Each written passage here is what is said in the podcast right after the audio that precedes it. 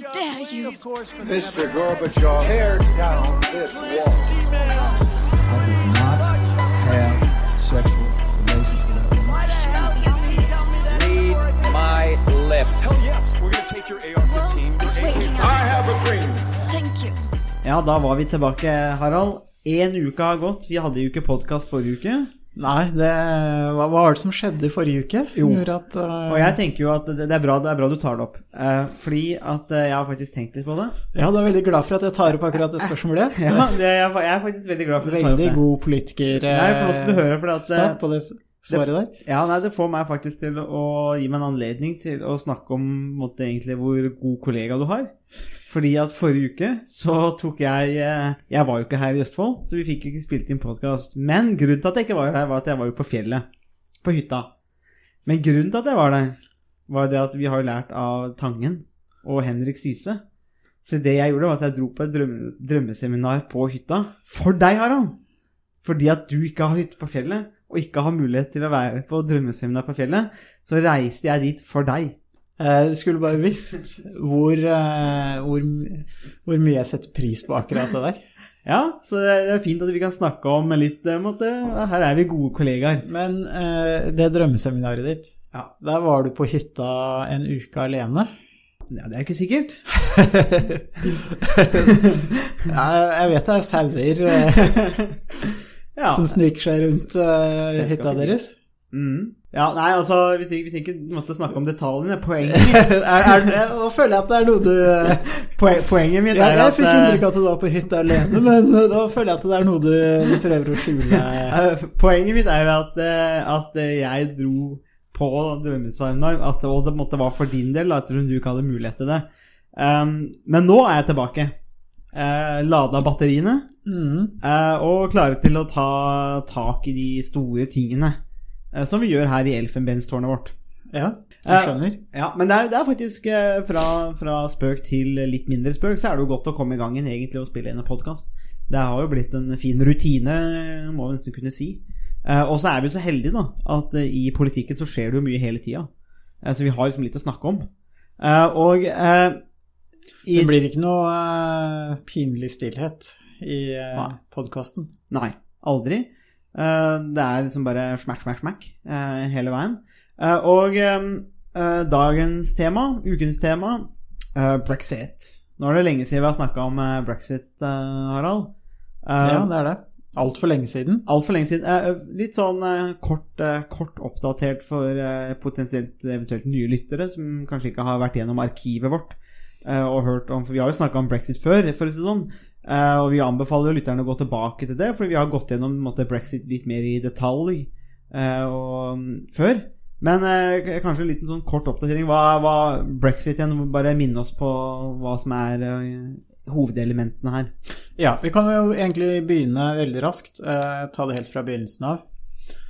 Um, det konservative partiet eh, lovte i, eh, i 2015 at de skulle avholde en, en folkeavstemning om eh, Storbritannia skulle melde seg ut av eh, EU eller ikke.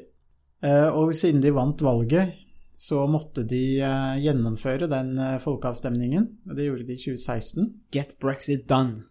Exactly. What else is there to life? Ja. Eh, Så folkeavstemningen ble gjennomført i 2016, hvor eh, det ble et knapt flertall eh, for eh, utmelding av EU. Mm. Og etter det så skjedde det egentlig ingenting veldig lenge, fordi ingen visste hva man skulle gjøre, eller hvordan man skulle gjøre det på en, på en god måte. Mm.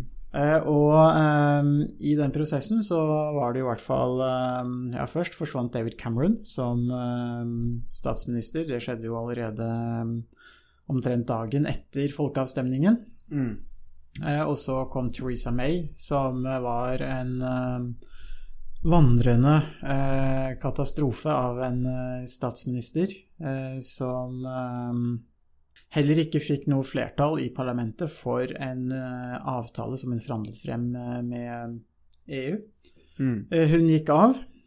Det kom en ny statsminister, Boris Johnson, som eh, er kanskje mer en rullende katastrofe enn en vandrende katastrofe.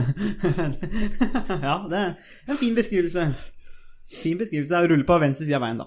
Feil side av veien. Ja, dessverre. Um, Og feil side av mye, egentlig, ikke bare det. Eh, Ja, altså problemet med, med Et av de store problemene i britisk politikk de siste årene har jo vært eh, inkompetent, inkompetent, eh, inkompetente politikere, rett og slett. Mm.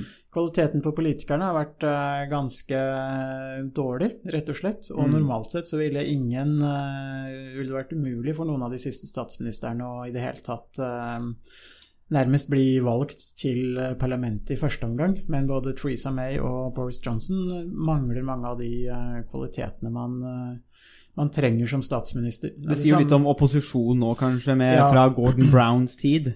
Og da særlig også Corbyn. Absolutt. Uh, Jeremy Corbyn, som var uh, leder for uh, Labour. Labour, Arbeiderpartiet, uh, fram til i, i våres, var det vel, Mm.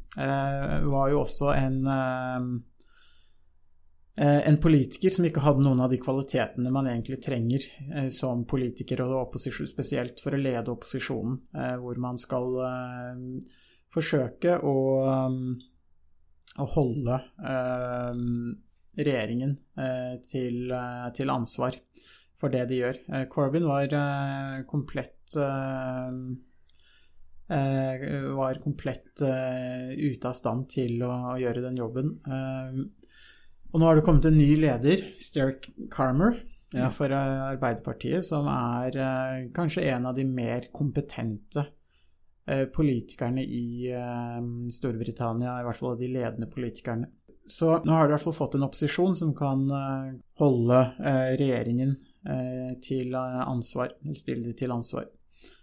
Så eh, det som skjedde, var jo at eh, når det gjelder brexit, eh, var at man fikk eh, en, en fremforhandlet avtale mellom Storbritannia og eh, EU. Og det var nesten den samme avtalen Mm. som Theresa May i første omgang forsøkte å, å få gjennom det britiske parlamentet. Mm. Boris Johnson eh, klarte det Theresa May ikke klarte, nemlig å få flertall for avtalen. Eh, problemet så, så når man fikk eh, vedtatt den avtalen, så fikk Storbritannia meldt seg ut, og det gjorde de 31. januar i år. Da var Storbritannia offisielt ikke lenger et, eh, et EU-medlem.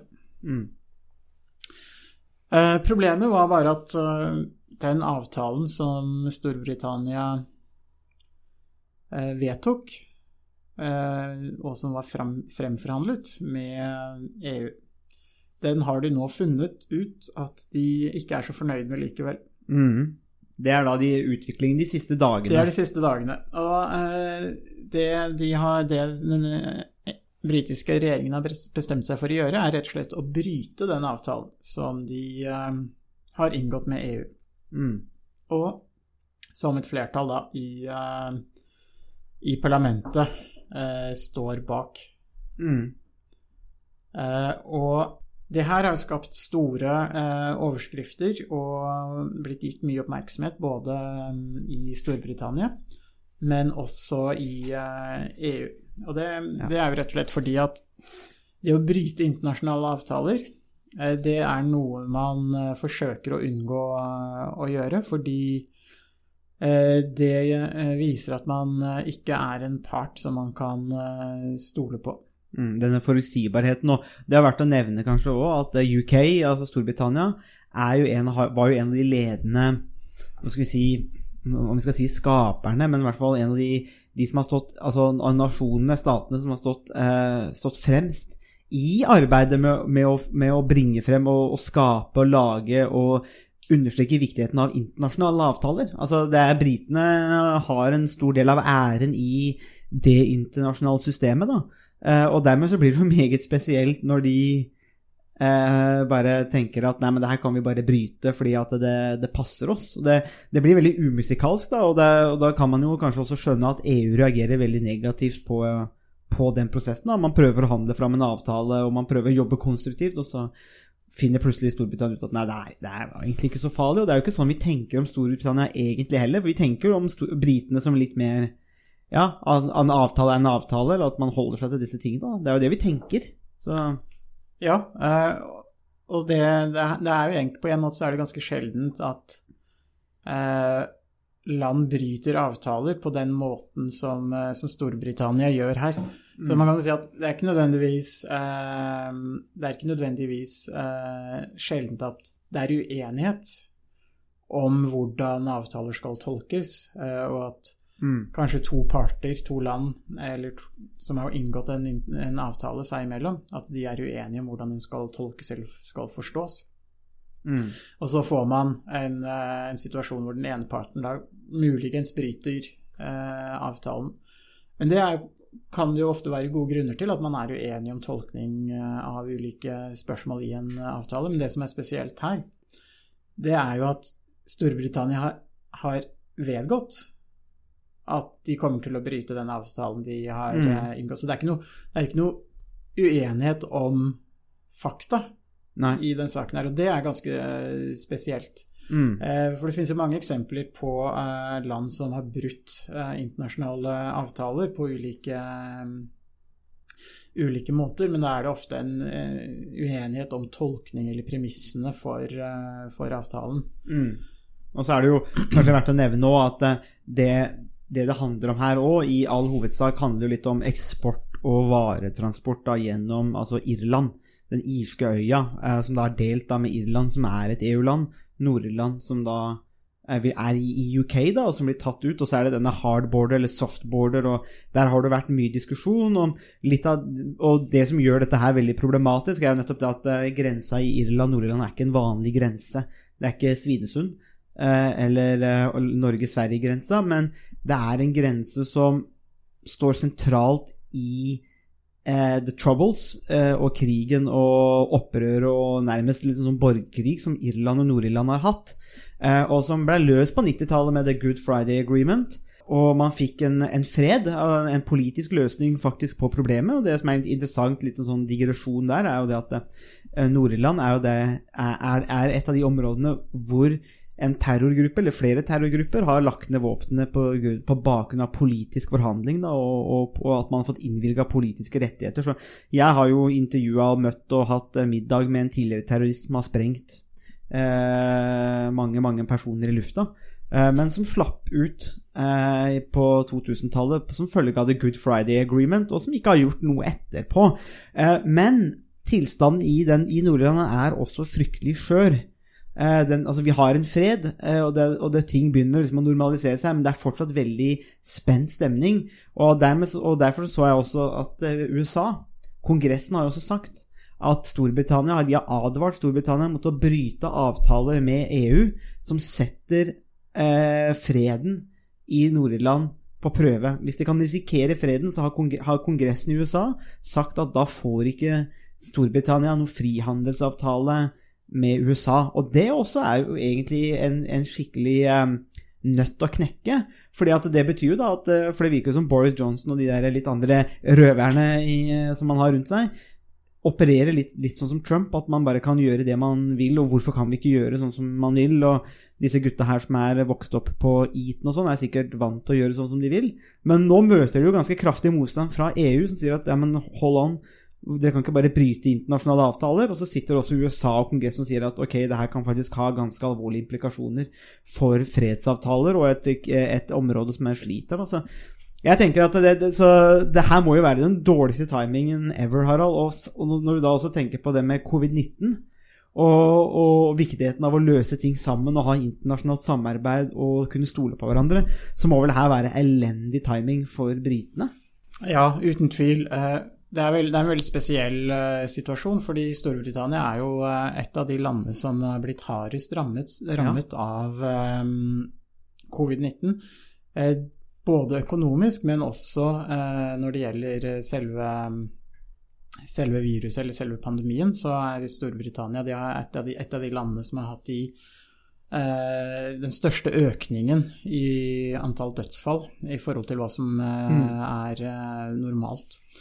Eh, og den økonomiske situasjonen har jo også vært ganske, vanskelig fordi eh, man har hatt en eh, slags eh, lockdown eh, over en veldig lang periode, mye lenger enn det vi hadde i Norge. Og lockdown mm. begynte senere i Storbritannia, eh, og eh, det har vært eh, den har egentlig pågått eh, nesten frem til, eh, til nå for ikke så lenge siden. Mm. Eh, Og den økonomiske stagnasjonen, eller nedgangen, har jo vært ganske ekstrem. Eh, Og, så den økonomiske situasjonen, pandemisituasjonen, og eh, på toppen av det hele så holder man jo på denne uken her å forhandle om en frihandelsavtale mellom Storbritannia og EU. Mm. Og i den konteksten så eh, kommer utspillet om at man skal bryte den avtalen man har inngått. Så der er jo ekstremt uh, dårlig timing, og jeg, jeg, er veldig uforstående til at Ja. det er mulig å, å time det så, så dårlig. Fordi det er litt sånn du, på, du har inngått en avtale med noen, og så holder du på med forhandlinger om å inngå en ny avtale med den samme part, parten. Og så kommer det frem at du holder på å bryte den avtalen du først har inngått. Mm. Og det er det noe, eh, der, der er det ikke noe uenighet om de faktiske forholdene.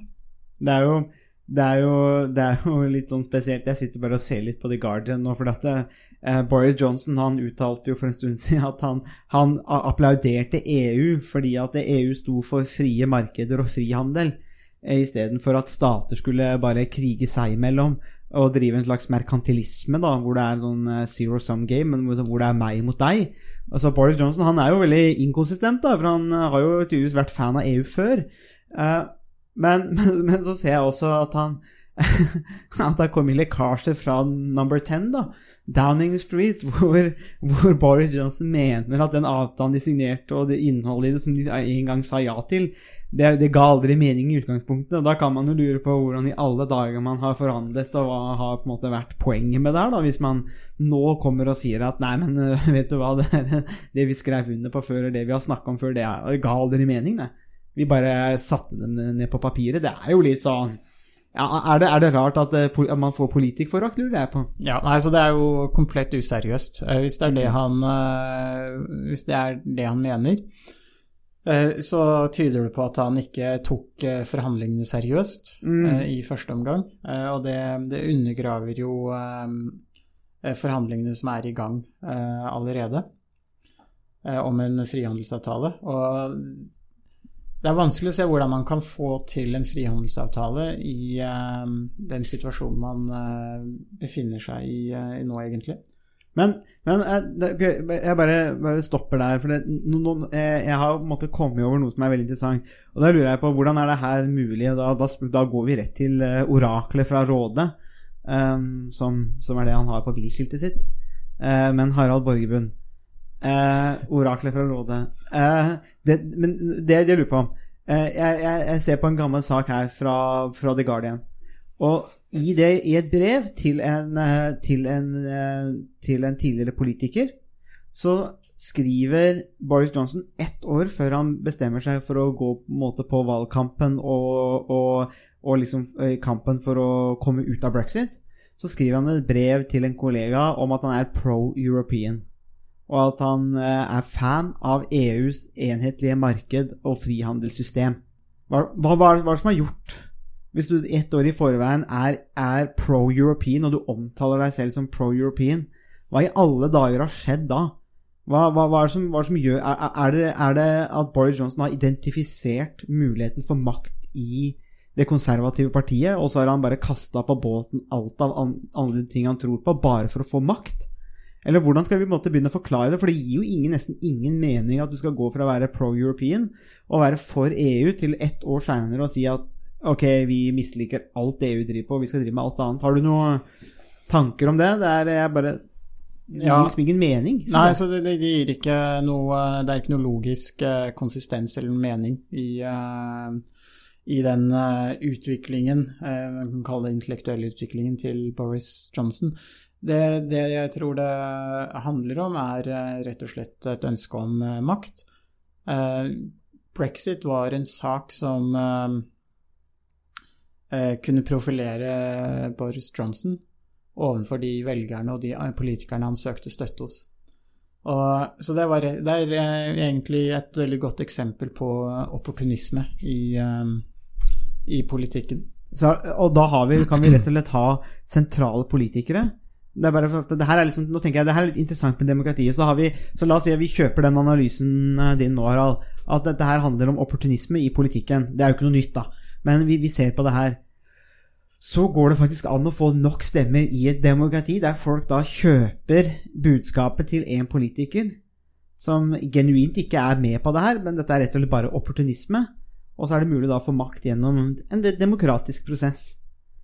Er det, er det grunnlag for å bli litt sånn halvveis skremt? Altså over, over hvordan det her er mulig, eller får vi de politikerne vi, vi fortjener, nærmest, eller britene fortjener? Jeg, jeg syns bare det virker liksom helt drøyt, egentlig, at det er mulig å på en måte være så opportunistisk, og så likevel klare å selge det budskapet på en måte som gjør at du får makt.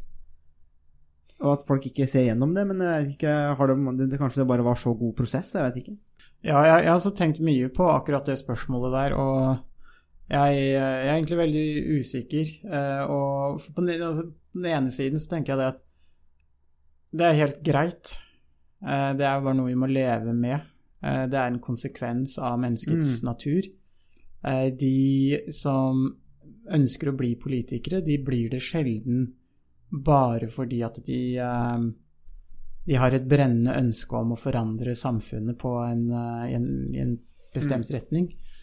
Eh, For at man skal klare den jobben som politiker, eh, så må man være, ha ganske hard hud og tåle ganske mye motgang. eh, Og tåle å bli utskjelt, være upopulær eh, og gjøre rett og slett gjøre handlinger som mange stiller seg uforstående til. Og de menneskene som har de personlige egenskapene, de, eh, en, del av dem, en del av de menneskene vil også ha et eh, brennende ønske om, eh, om makt. Mm. Hvor, hvor den, det å være en, en mektig politiker, det har en appell i seg selv. Og det å kunne, kunne bruke den makten, det å oppnå den makten, det blir en personlig ambisjon for mange av de, de menneskene. Eh, og problemet her er at på den ene, på den ene, på den ene siden, altså sånn mange mennesker som i og for seg kunne hatt en slags moralsk karakter, da, som gjorde at de ville fremme fellesskapets interesser, de ville kanskje ikke hatt den, eh, den styrken, den mentale styrken til å stå i et, eh, i et, under et stort press over lang tid, som mange politikere gjør. Eh, Og det gjør at de politikerne som da lykkes i det lange løp, det er de som eh, noen ganger er opportunistiske, Mm. eh, og som tenker 'what's in it for me'. Mm. Eh, og det betyr ikke at alle politikere er sånn, altså det finnes mange eksempler på, på det motsatte. Mm. Eh, og flertallet av politikere er jo ikke på um, er jo ikke opportunistiske og um, fremmer sin egen makt på samme måte som, mm. som det Boris Johnson gjør, og eh, andre politikere.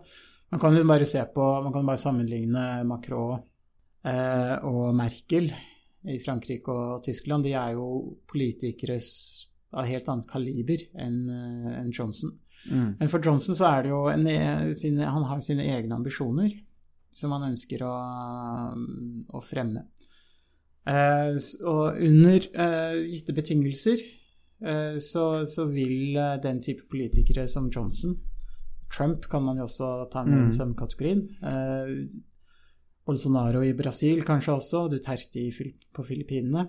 Eh, det finnes jo mange eksempler etter og hvert. Eh, Orban kanskje i, i Ungarn, og så videre og så videre. Så det finnes mange eksempler på den type politikere Mm. som kan komme eh, og få oppslutning under bestemte betingelser og omstendigheter. Mm. Og det, det er jo ofte eh, under, altså i, i situasjoner hvor det er en viss misnøye, eh, og hvor det er en del, stor andel av befolkningen som, eh, som har gitt opp troen på deler av det politiske systemet, og man trenger en frelser. Og Ja. Trump er en uh, frelser som skal frelse Amerika fra multikulturalisme, pluralisme og um, sekularisme. Uh, og Johnson er en politiker som skal frelse Storbritannia eh, fra eh, utlendinger eh, og innvandrere. Mm.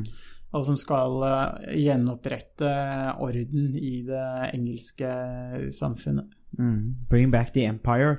Men eh, ja, og det der er jo på en måte uendelig fascinerende hvordan de, de tingene fungerer. Men hvis vi måte bare knytter da for å runde av med tanke på der vi starta, så er jo, er det er jo uansett et problem da, at når, altså man har disse prosessene. og og det er jo på en måte greit nok om man bare var i et land, og klart 200 år siden hadde det kanskje ikke spilt så mye rolle, men det vi også ser med pandemien, med, altså, men også i den globaliserte verden, og pandemien har vel kanskje bare brakt det liksom enda mer fram i lyset, er jo nettopp det på en måte hvor sammenkobla verden er, og litt hvor avhengig vi er av hverandre. og eh, Man kan jo være for brexit, eh, og man kan være mot norsk medlem, medlemskap av EU, men, men det som er litt viktig uansett, da, tenker jeg hva man mener, hvor man står i den skalaen, er jo nettopp dette at avtaler eh, må nesten kanskje være minste basis for forhandling, og at man respekterer avtalene. fordi det kan være vanskelig å se for seg et internasjonalt system som fungerer